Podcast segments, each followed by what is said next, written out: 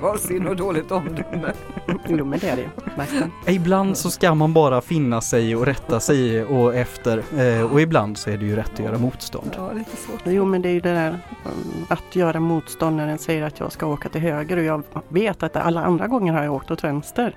Och så när man ändå kör in till vänster och så visar det sig att där hade vi visst grävt av vägen. Ja, just det. Då- det fanns då, en ja. anledning. Ja. Ja.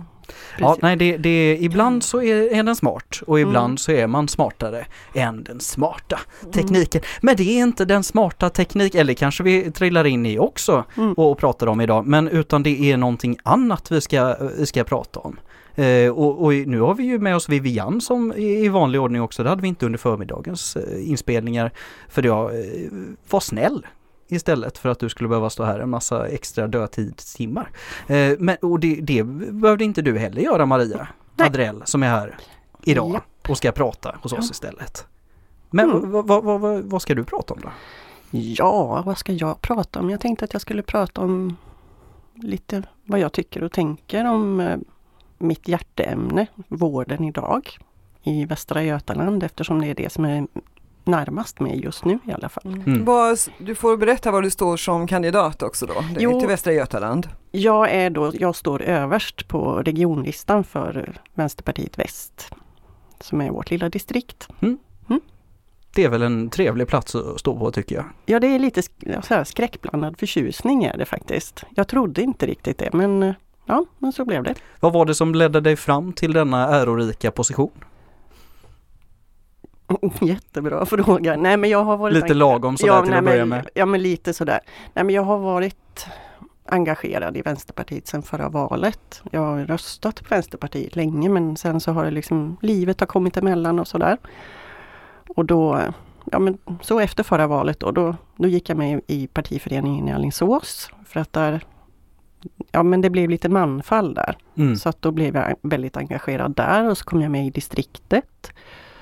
Så jag har varit vice ordförande i distriktet i tre år Mm.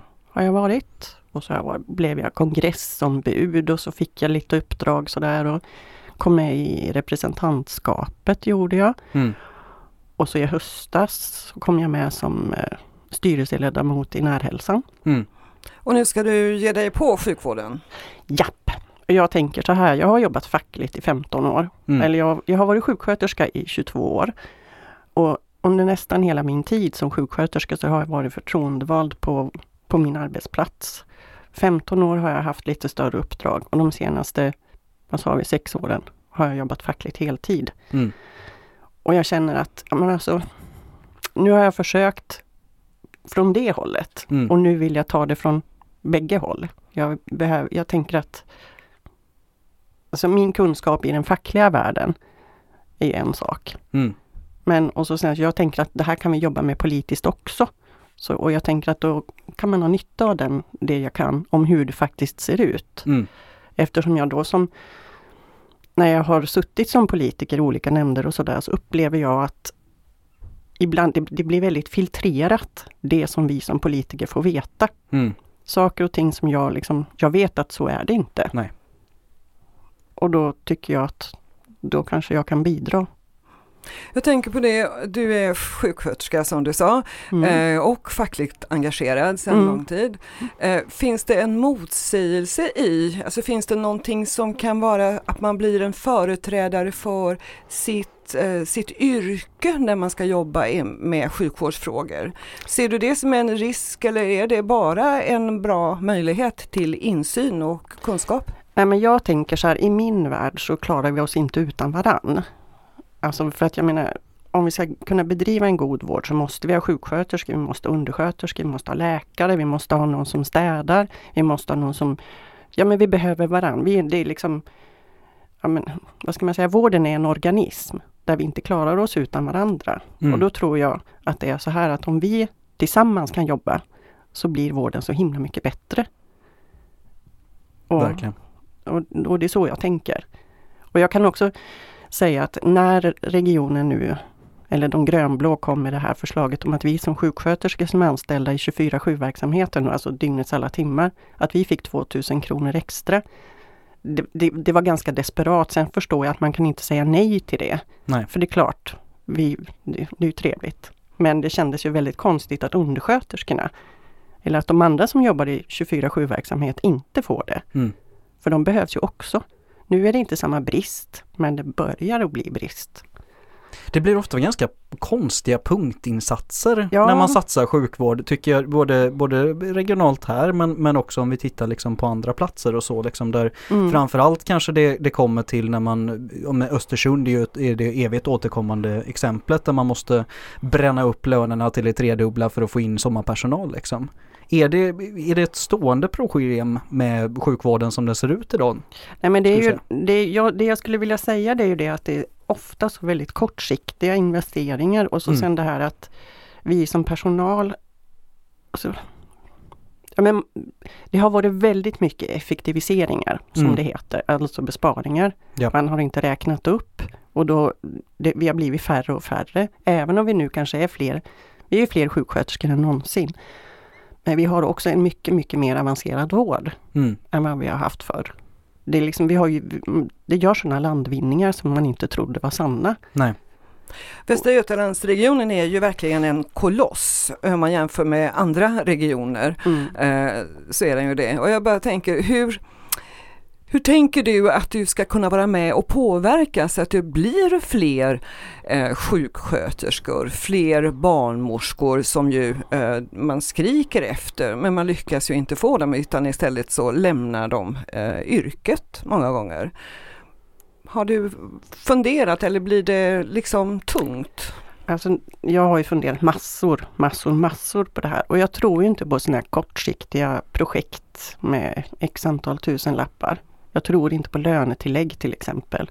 För att ett lönetillägg det är någonting som du vänjer dig vid och så blir du av med det. Och så ser du att om jag, kom, om jag går ut i, ja, i ett bemanningsföretag så får jag högre lön och då kan jag välja hur jag vill jobba. Men det jag tycker det är väl det att vi ska lyssna mer på personalen. Vad är det vi som personal vill ha? Alltså, givetvis så kan man inte Jo, man kan lyssna på precis på vad personalen vill ha. Jag tycker att vi ska ha en ökad arbetsplatsdemokrati.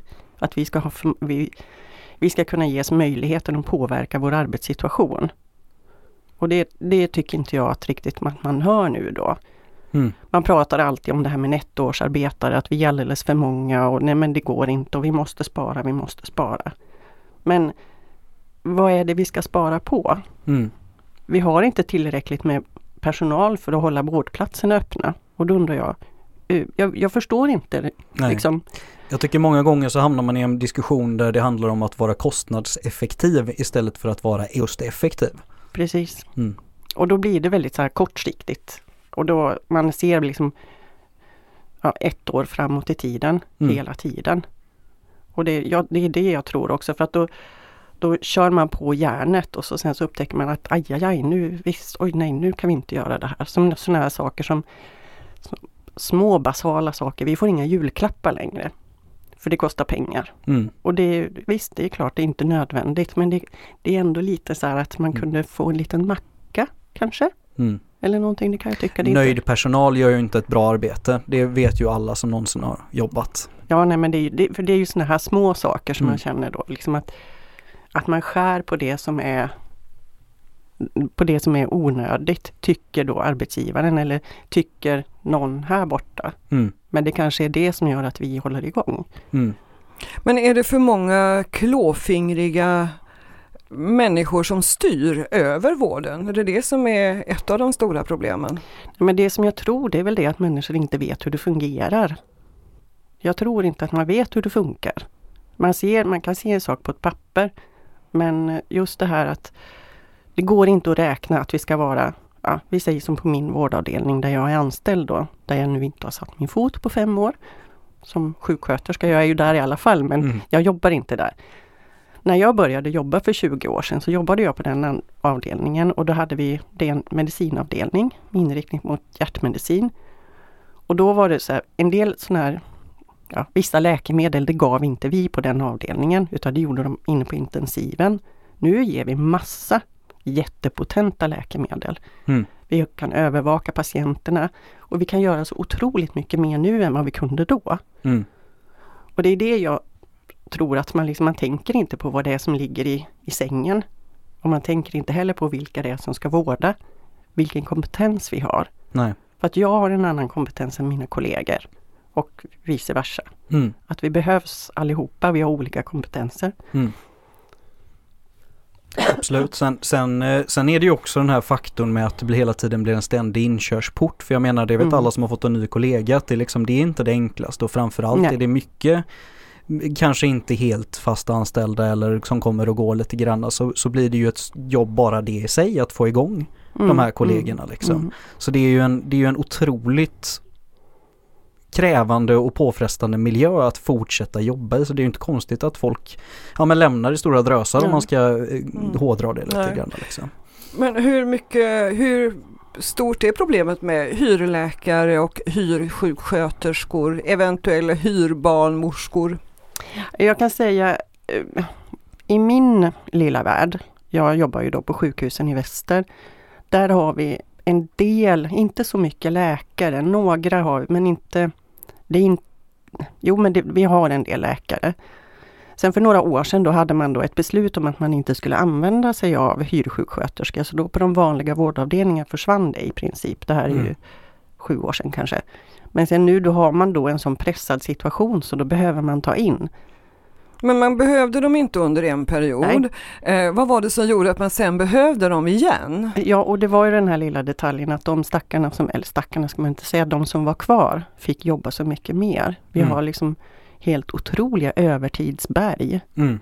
Vi har, och nu under, efter pandemin och sådär också, så vi har, ett semester, vi har en semesterskuld. Och så all den här övertiden som vi förväntas, eller som personalen förväntas ta för att täcka upp på pass. Så att om sommaren ser bra ut så gör den det bara för att personalen jobbar över Mm. och tar extra pass. Säljer sina semesterveckor och så. Tror du att besluten fattas eh, om både det ena och det andra när det gäller sjukvården på rätt ställe? Du eh, jobbar alltså för alltså sjukvården i väster. Mm. Fattas besluten nära verksamheten så att de som beslutar vet vad de gör? Nej, jag tycker inte det. Jag tycker att man behöver liksom ha en, eh, eh, en, en dialog upp och ner. Så. Det är något som jag, uppfatt, eller som jag upplever hela tiden. Det är det att jag tänker att så här att Ja men det finns en sjukhusdirektör som kan ha fattat ett jättebra beslut. Mm. Men det händer någonting på vägen ner. För att det är någon som tycker att nej men jag tycker att det är ungefär så här och så gör de som de alltid har gjort och så Ja men Det finns lock på vägen någonstans Mm. där. Alltså information och ja, det- den silas både uppifrån och ner. Mm. Men jag tror på att om man lyssnade lite mer på personalen, vad vi har att säga om det här. Att, att vi, alltså personalorganisationerna, både från avdelningsnivå förvaltningsnivå upp till politikerna. Det tror jag på.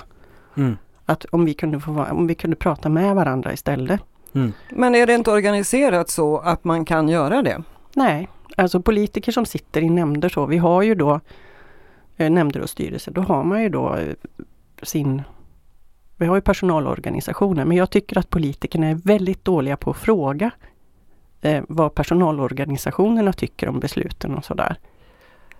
Och jag kan se ibland att det är liksom, ja men det, det kan bli lite obekvämt att fråga. Mm. Så därför så låter man bli. Man låter det liksom vara så här, nej men, ja, men man vet ju att de vill ju ändå, de tycker ju ändå inte om det här. Och sen, sen är det ju olika från olika politiska partier naturligtvis också. Mm. Men vem är det som har mest makt över, vi säger ett av sjukhusen i sjukhusen i, i väst? Mm. Är det Jonny Magnusson eller är det sjukhuschefen? Ja, bra fråga.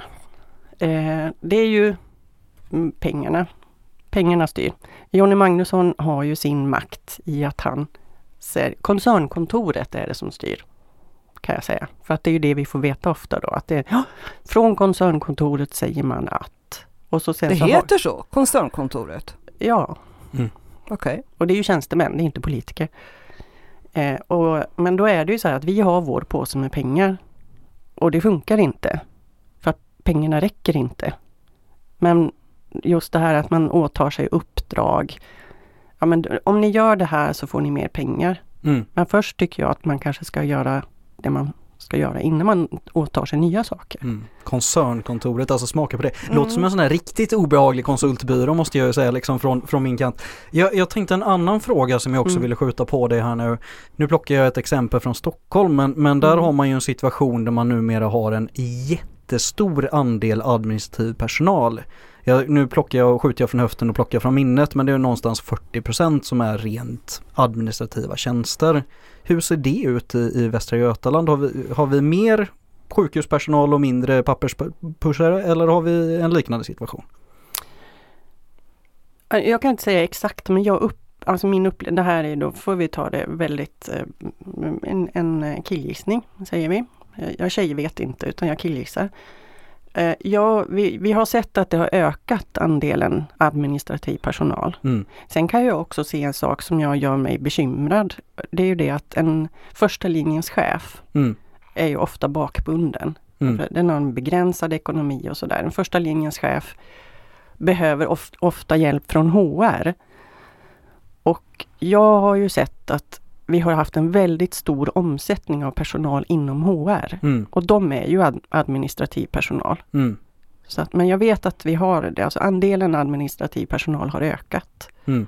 Men vi behöver ju också administrativ Självklart. personal. Som till exempel medicinska sekreterare vårdadministratörer så att vi slipper. Men de gör ju ett direkt jobb i anslutning Precis. till vården. De mm. håller ju inte koll på alltså köp och säljsystemet som ju Nej. är helt galet tycker Nej, jag, som precis. bara alstrar administratörer. Ja. ja men precis. Jo men tänk dig, tänk, jag undrar hur mycket den här, de här upphandlings Nissarna, hur mycket de kostar? Nej, det, är, det är ju den här vårdvalsapparaten som, som eh, ligger och pyr, oavsett, även när den inte ens används. Mm, eh, mm. det, det är ju ingen, inte gratis. Nej. Men eh, ja, det är ju någon som tjänar pengar på det också. Ja men som att köpa en stol till en vårdavdelning, då kan du inte bara köpa en stol. Nej. Utan du måste köpa en stol som du har lagt ett, ja, Mm. Man har man ramavtal. Ja, med ramavtal. Men sen så ska det, om man ska ha en speciell stol, en speciell undersökningsstol och du vet att du kanske vill ha stolfirman. Men då finns det liksom bordsfirman som säljer stolar också men då får du liksom lägga ditt anbud så att det blir precis så det bara kan bli stolsfirman. Mm. Har Svenonius varit med i kulisserna så kostar den där stolen 150 000 också för, för landstingets slut. Så ja. det, det, det är härligt när det, när det är kul. Men om vi lyfter lite grann, för nu, nu, nu hoppar vi in rakt i vården, men jag tänkte mm, om, vi, mm. om, vi tar, om vi tar det stora perspektivet på hela regionen, hur, hur, hur ligger det till egentligen? Hur ser det ut? Alltså jag tycker att Västra Götalandsregionen, det, det hade nog kunnat det kan nog kanske bli bra. Mm. Men nu är det stort, det är tungrot. Och vi har många olika verksamheter inom den här regionen. Och, därför, och det blir ju gärna ett stort fokus på på sjukvården. För mm. det är ju det vi ser liksom. Och det, jag menar, jag är ju jättefärgad av det. Men vi har ju allt. Vi har våran kollektivtrafik. Mm. Och det är ju också en sån här sak som jag känner att det behöver vi jobba mer med. Mm. När jag skulle åka hit idag så hade jag kunnat åkt buss. Och spårvagn och tåg och sådär. Men där jag bodde förut så kunde vi var tvungna att ha två bilar och då bodde jag alltså en och en halv mil utanför Alingsås. Mm. Men den sista bussen gick hem 18.30 mm. och den första bussen gick på helgerna så kunde jag inte åka buss överhuvudtaget för då gick det två bussar, en vid nio och en vid mm. två eller något. Så då vi var tvungna att ha två bilar. Och jag tycker att vi behöver se över kollektivtrafiken. Mm. Och det har vi ju också i, nu i vårt budgetförslag då att vi ska sänka priserna. Mm. Inte tillräckligt än just nu men vi får börja någonstans i alla fall tänker mm. jag. Jag vill verkligen rekommendera dig som mm. lyssnar på det här att gå tillbaka och lyssna på det avsnitt med Karina Örgård mm. eh, och också det med Mats Berglund mm. eh, som båda pratar gott och varmt och länge om just olika lösningar på på kollektivtrafikens Precis. Eh, vara, icke vara och bekymmer så att säga. Och mm. lösningar och förmågor. Ja, verkligen det är väl lätt att drunkna tänker jag i den här stora eh, organisationen som mm. Västra Götalandsregionen utgör. Eh, mig veteligt så har det inte gjorts någon riktig eh, utredning, genomlysning av hur den egentligen fungerar efter att den infördes 99, eh, det är ju alltså 23 år sedan. Jo men man, man, har, man, har tittat i, man har tittat igenom det lite nu, eller lite, man har gjort en genomlysning så att det kommer att bli en ny organisation nu nästa mandatperiod. Mm. För att vi har ju haft då köp och sälj och ja, liksom, man har en, en nämnd som beställer vård och verksamhet. Och, men den nya organisationen är ju också uppbyggd på köp och sälj. Fast man ska ha en strategisk en strategisk och en operativ nämnd för sjukvård eller styrelse eller nu kommer jag inte ihåg vad det heter. Men, och det kanske kan vara bra. Men jag, jag tycker fortfarande att huvudproblemet är att vi köper och säljer vård. Mm. Och allt annat. Det är liksom sådär man går in i en affär och så betalar man för det. Jag, jag, tycker, jag vet inte, jag har ingen bra lösning på hur det skulle kunna vara. Men jag tänker också att det här ettåriga hela tiden, det är korta ledtider. Jag tänker att vi skulle ha en längre planer. Det kanske kan bli så nu med den där strategiska nämnden, mm. att den lägger en plan. Jag tänker den här genomlysningen som du säger att har gjorts av regionen, har den, har den tittat på alla typer av verksamheter på alla nivåer? Det, det kanske man inte har, utan man har tittat på köp och säljmetoden, är det så jag ska förstå ja. Jo men det, så får vi nog säga att det är. För att jag upplever ju till exempel inte att man har gått ner på enhetsnivå och tittat hur det fungerar där. Eh, nej, men det, det, kan jag nog säga att det inte har varit gjorts. Mm. För jag tänker bara det att jag några gånger tyvärr har haft eh, svårt sjuka vänner som har legat inne på Östra till mm. exempel mm. Mm. Och Sahlgrenska. Så känner jag varje gång jag är där, det här går, måste kunna gå och omorganisera. Alltså det här saknas styrning i, alltså det är mycket dubbelarbete, eh, folk kommer in, alltså personal kommer inte ihåg, det finns inget system att skriva upp vad den här patienten behöver just då och det mm. glöms av. Alltså det måste ju finnas, det måste vara ett systemfel. Det skulle gå att göra det effektivt på rätt sätt tänker jag utan att det är ute för att spara pengar utan för att göra det så bra som möjligt för patienter och personal. Jo men och, och där är vi helt överens och jag tänker så här att om vi om professionerna kan få vara med och liksom utveckla vården men nu är vi så hårt slimmade så att de, som jag pratade lite om första linjens chefer förut. Så, och de, många av de som blev chefer blev det för att de vill utveckla vården. De vill utveckla hur vi jobbar och hur vi inte jobbar och vad vi ska göra när och så. Men eftersom deras primära uppgift nu det är bara att spara pengar och ringa in personal. Mm. Så hinner inte de. Vem är första linjens chef? Det är, det är ju då oftast till exempel en chef på en vårdavdelning. Som är till professionen? Vanligt med sjuksköterskor. Det är, det är lite beroende på vart, på, inom vilken verksamhet. Men liksom de, de första cheferna, det är liksom inom regionservice så ja, det, det är lite olika då. Mm. Men det är ju också då de som är ja men de cheferna närmast eh, golvet om man säger så. Men de har för lite makt, typiskt mellanchef. Ja precis och de är ju inte ens riktigt mellanchefer för vi har ju många, många, många chefsled. Mm. Mm. Men jag tycker att någonting som vi behöver titta på nu framåt, det är ju vilken arbetsmiljö har första linjens chefer? För att det är en otroligt stor omsättning på dem. Man kan gå in i i Platsbanken där i, i regionen och se hur många chefstjänster det är. Och det är liksom, jag tror att det är så när människor blir liksom desperata. Då, då, söker man sig en annan chefstjänst och en mm. annan chefstjänst. De vill göra förändringar till det bättre, de har mm, för lite makt att göra det, man mm. blir utbränd efter ja, ett precis. tag och så ja. lämnar man över till någon annan med samma ambitioner som sen också lämnar ja, men det, ja, men det, det, blir ju någon sån här sorts nedåtgående spiral det här. Mm. Så. Men för jag vet att det finns så otroligt mycket kunskap. Mm. Och jag tänker också, jag sa lite förut om det här med projekt och sådana här saker, att jag tror inte på att man bara ska ha arbetstidsmodeller som projekt eller vårdmodeller som projekt. Utan jag tror att man ska absolut utvärdera saker och ting. Och märker man att nej men det här var inte bra, då får man sluta med det. Men nu är det alltid, det, eller alltid var fel, men ofta så att man har en sak som är ett projekt. Sen när projekttiden är slut och bara poff, så mm. försvann det. men det känns ju också som det finns en massa proppar i systemet. Japp. Du beskrev som man inte kunde se, men du beskrev ju massa olika lager av mm. eh, chefsnivåer. Mm. Kan man inte kapa några nivåer? Jo, men jag tycker ju det. Mm. Eh, men samtidigt så... Det, det, är ju alltså vården, eller Västra Götaland, eller vården då som jag ser, det är en väldigt hierarkisk mm. styrning där. Du måste gå till rätt och du ska alltid gå i linjen och det... Ja, nej men jag vet inte. Mm. Jag tror att vi behöver lyssna mer på de som faktiskt finns på golvet. Mm. Oavsett vad man gör, om man kör spårvagn eller vårdar personal. Det eller, känns väl som att den är, sen är också en, en, en grundbult egentligen som gör att vi hamnar i de här systemfelen som med utarbetande mellanchefer eller för den delen utarbetad personal eller att man kör Mm. på och kör över eh, och bara tänker projektform. Det är ju att det hela tiden ledordet inte är effektivt utan att det ska vara billigt Mm. och det ska dras ner. Mm. Och det ska gärna göras i ett privat alternativ för de som betyder någonting i samhället. Mm. Och det är väl någonstans där vi behöver få mer makt med sådana som Maria. Ja. Nämligen sådana som har varit i det, jobbat för det och nu kan jobba med det. Mm. Jag tänkte lite annat nu för nu, nu är vi tillbaka i vården igen. Det, det, ja, det ja, kommer men liksom, det är viktigt. det Ja, men är mycket och viktigt. den är ju väldigt bra. Helt Men- klart. Men jag tänkte om vi ska lyfta lite konkreta valfrågor som, som Vänsterpartiet vill driva i regionen.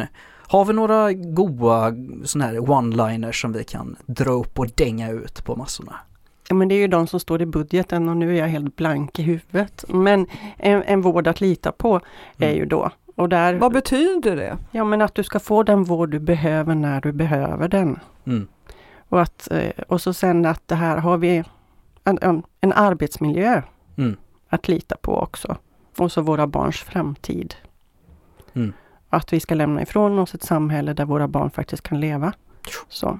Tänker du på miljö och klimat? Miljö och klimat bland annat. För Mm. Att, jag menar ett samhälle överhuvudtaget, att det ska finnas skolor och eh, ja, allt behöver finnas för våra barn. Mm. Så, men, det, men miljö och klimat är ju viktigt. Absolut. Men det blir ju inga kioskvältare om man tänker på, om man säger, eh, alltså, eh, det blir Nej. väldigt övergripande. Så. Ja, så precis. det måste ju finnas någonting tänker jag, jag menar, eh, då kanske vi är inne på vården igen, jag ber om ursäkt här, men alltså förlossningsvården är ju, den är verkligen i kris och jag Ja. har ju egna näraliggande exempel på det och det vet folk överhuvudtaget.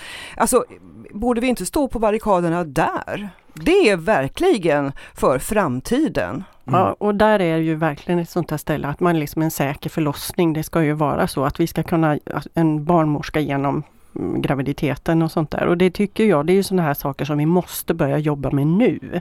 Man har börjat en del projekt. Men att man behöver ha det här, man behöver ha ett mål som ska ligga framåt i tiden. Och då behöver vi, vi behöver nå dit att vi lyssnar på vad barnmorskorna säger att de, hur de vill jobba. Mm. Men vad menas med en eh, barnmorska under graviditeten? Är det från, från första besöket på, på mödravårdscentralen till förlossningen? Så kan man ju tolka det. Ja, i princip så, men det, det funkar ju inte heller. Nej, så. inte i men, denna världen. Nej, det gör ju inte det. Och, men sen, jag tänker det finns ju en del sådana här privata eh, barnmorske eh, vad heter det? mottagningar Mm. där man har en, en barnmorska under hela tiden. Men det är ju oklart där om hur det blir vid förlossningen. Mm. Så att jag, är, jag är dålig på just det här. Alltså men jag tänker bara rent eh, systemmässigt, alltså Mm, mm. konkret hur det skulle kunna vara. Alltså det är väl jättefint att ha samma barnmorska under graviditeten. mm. Men alltså det första är väl ändå att ha en barnmorska Ja, när men man det- ska föda. Ja, men det, Det, Det är bara att gå in och pusta lite så är de ute. Nej men alltså gre- grejen är ju den att det ska ju finnas barnmorskor dygnet runt, året runt, hela tiden. Och de ska ha en dräglig arbetsmiljö. Och det är ju det här att nu, alltså en, en, en barnmorska per förlösande kan man ju säga är en av dem så. Att en barnmorska ska inte behöva ha liksom fem förlossningar. Nu kan jag inte säga exakt hur många förlossningar, men det, det kan ju vara så att de födande är i olika skede i verkarbetet och sånt där. Men det är också så att man ska ju inte ha för många för vi vet ju inte vad som kan hända. Det är Nej. ju så att vi är människor. Nej men alltså hur kan det hända sig att en, en omföderska eh, blir nekad att komma till NÄL och hänvisas då att åka från Uddevalla till eh, Skövde? Mm. Och det är mer än två timmars restid. Blir det problem så ja, men ring efter ambulans i så fall. Alltså det är ju inte värdigt. Nej, och det är fruktansvärt ovärdigt och det är Alltså det är värdigt på så, eller ovärdigt på så många plan. Mm. Det är ju ovärdigt för den stackars barnmorskan som sitter och är den som ska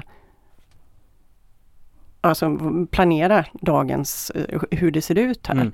Och då vet de att nu har vi så här många födande här inne, det kommer inte att gå. I Stockholm så skickade de folk till Finland för att föda. De skickar folk över halva världen kändes det som. Jag kommer från Sollefteå från början och där stängde vi ju förlossningen. Mm. Så då får du åka tidigt. I Kiruna Ja, ja men det, det finns liksom, vi har ju det här, vi har dragit ner så mycket på förlossningsvården överhuvudtaget. Men då tänker jag ändå att här i Västra Götaland där, där vi är hyfsat tättbefolkade. Men att det är inte säkert, du kan ju inte veta att du verkligen får föda ditt barn på Östra. Du kanske får åka till Borås eller du kanske får åka till Näl. Mm. För att det inte finns plats. Eller till Varberg. Ja, till Varberg. Och det börjar ju bli lite löjligt. Jag menar min första dotter, äldsta eh, tjejen, hon föddes ju just i Älvsbyn och då Mm. delade vi ju sal med några som hade flugits in från Kiruna-gruvan. Mm. Och det känns ju som att det är en verklighet som vi kanske lever i här nere också snart liksom. Där Ja, vi får precis. slussa alla upp till Uppsala eller någonting sånt där. Ja, Jag tänker nu innan vi, innan vi går igång och gör ett till avsnitt om eh, vården och Mm. eh, förlossningsvården eh, så, så vill jag plocka fram kristallkulan och spå lite grann inför valet och, och hur det kan komma att te sig och bli sig och, och, och vara när eh, väljarna har gjort sitt här nu i september. Vad tror vi? om du tror att vi vinner många, om vi får jättemånga röster. Vi kommer att få väldigt många fler röster tror jag. Mm. Eller jag vet att vi kommer att få det. Jag har bestämt att vi ska få Det, det. det, är, det är en bra inställning. Ja men så tänker jag. Mm. Nej men eh, vi har ju visat framfötterna som parti i vårdfrågorna, Mm. i kollektivtrafiken. Och jag tänker att det jag tror att vi kan Jag tror vi kan räkna med fler röster. Mm. Men då kommer ju vi till den stora frågan och den stora utmaningen. Rår vi på de där borgarnissarna som sitter och, och styr våran region här nu? Mm, Och hur tänker du? Att vi, att vi liksom om vi kan peta den blågröna majoriteten? Yes. Alltså, I mina mörkaste stunder så tror jag ju inte det. Men sen i mina ljusare stunder så, har, så tycker jag att det är klart att vi kan. Mm. Du har inte hunnit se Statistiska centralbyråns senaste nedbrutna eh, mätning. Jag har inte gjort det, det är så det är en fråga till dig. jag, du har jag inte heller inte, gjort nej, det. jag har inte sett Där kan man ju få ändå en fingervisning även om de hade en, eh, vanligtvis ett par procents fel faktiskt Ja. alltså jämfört med valresultaten men man kan ändå få en fingervisning om vi ligger ju nu på eh, typ val, förra valresultatet. Så, Mm, mm. eh, men alltså det är ju bara och vi måste ju steppa upp och jobba mycket, mycket aktivt. Jag ser att S är fruktansvärt aktiva Mm. i Göteborg och den som säger att det bara är anställda som är ute och kampanjar, de har fel för jag vet Mm, att det inte mm, är så. mm. Eh, så vi inklusive jag själv, får ju, vi får, måste ju också, men hur ska vi få eh, våra medlemmar att förstå att det är viktigt att vi är ute och lämnar flygblad och pratar eller knackar dörr kanske. Mm. Ja men det har vi pratat om. Jag kommer ju då från en väldigt aktiv partiförening. Vi är ju löjligt aktiva, eller så ska man inte säga, men vi är ju helt Jo, det är faktiskt, alla som har lite koll på Alingsås vet att Alingsås är löjligt aktiva. Ni får oss andra här i distriktet att se riktigt, riktigt dåliga ut. Så att jo, ni är löjligt aktiva. Ja men vi är jätteaktiva. Vi har liksom sån här, vi försöker ha sån här lågtröskelverksamhet. Mm. Det är ju lite som man pratar om missbruksvård och sånt där också. Men vi missbrukar Vänsterpartiet men det gör vi inte. Men, men det som är det är väl det också att vi har Vi går ut och har sådana aktiviteter som att man eh, ja, ses vid en lekpark. Så då kan föräldrarna få diskutera politik medan barnen leker. Och, dricker, och så kan vi dricka kaffe. Att vi har liksom saker och ting som inte är så jätteuppstyrda men vi har dem väldigt ofta Mm. istället. Och där vill jag faktiskt ta och, nu sitter jag ju som vice ordförande här i Mölndal och just en sån aktivitet med Röde lekplats har vi planerat för Mm, i mm. juni här nu och det kommer komma fler. Mm. Eh, Och mycket sannolikt under valrörelsen också. Så det finns alla möjligheter att, att engagera sig. Men jag tror att tröskeln för att medlemmar ska gå ut måste sänkas och Precis. förväntningarna på vad man gör Precis. måste också sänkas. Och, Mm. eh, en del säger då, jag menar jag har ju varit med om några valrörelser, att Nej, men vi har inget lokalt material så jag kan inte gå ut. Men skit i det, ta det eh, liksom nationella materialet, centrala Ja, ja, materialet och gå ut. Eh, men sen det som är, tycker jag är vanligt, det är att ja, då går man ut två och två, för man ska ju aldrig vara en, och står och pratar med varann. Mm. Alltså vi har Precis. liksom lite dålig kultur på hur man gör. Eh, Mm. Alltså det är inte märkvärdigt, men alltså okej, ni kan väl snacka sen. Ja men lite så. Och det, jag, jag tänker också, jag, jag kan berätta om inför förra valet så var jag på en sån här valskola. Och det var väl lite det som tippade mig över kanten till att bli så aktiv som jag blev. Mm. Eh, och det var det här, då var det en man i sina bästa 60 plus plus som var en sån här, en, ja, en besserwisser. Som inte tyckte att vem som helst kunde gå ut på gatan och dela flygblad eller kunde stå vid valstugan. För att man måste ju veta allt. Och jag kan ju säga, jag vet ju inte allt. Och då blev jag lite sur och så frågade jag den här mannen, men menar du då att jag som vill och kan och orkar och kan mycket om en del men inte om allt, ska inte jag gå ut i, i valrörelsen då? Mm. Så jag bestämde mig för att jag gick ut i valrörelsen. Och jag kunde ju inte svara på allting. Men då får man ju be att få återkomma. Ja, så kan man ju fråga den som frågar, hur tycker du? Så Ja, att men man får en precis. dialog. Precis. Och jag, och jag tänker så här för att jag tror att, att det är många som är rädda för att de inte kan allt. Men, men all, det finns ingen som kan allt. Utan det är bara att, ja men då får vi fråga någon annan och då är det ju bra om man är två. Mm. För då kan jag, om du och jag går ut Vivian, då kan jag säga så här, men fråga Vivian, hon vet. Kanske. Mm. Och sen för att, att vara lite besserwisser själv Mm. och i sann Joe Biden-maner göra en liten Vet du vad Maria? Han den 60-plussen, han kan inte heller allting. Nej, Han kan nog ganska lite. precis. Ja. Så att det, det, det är väl kanske den bästa eh, grejen som vi har sagt här nu att, att eh, engagera dig för tusan och det Mm, behöver inte mm. alls vara att du ska kunna hela, hela Ja. boken fram och baklänges utan det, det räcker att veta att den finns där. Jag Ja. tänker någonting har gjort att du har valt att engagera dig i Vänsterpartiet. Det räcker långt för då har du tänkt. Ja. Du har liksom sett att det partiet Alltså är, tycker den här frågan eller de här flera frågorna är viktiga och det tycker jag med. Alltså man kommer jättelångt med det. Mm. Mm. Nej, men och jag tror på det där med de här eh, lekplatsträffarna för att då pratar jag, eller om du går ut och, med dina barn och så pratar du med en förälder Mm. som, som pratar, en, en förälder som pratar med en annan förälder som pratar med en annan förälder som pratar med någon annan. Eller liksom ringa på vattnet Mm. och det. Så så tänker jag. Och då kan det vara ett litet, en liten bunt med flygblad som ska delas i brevlådor kanske.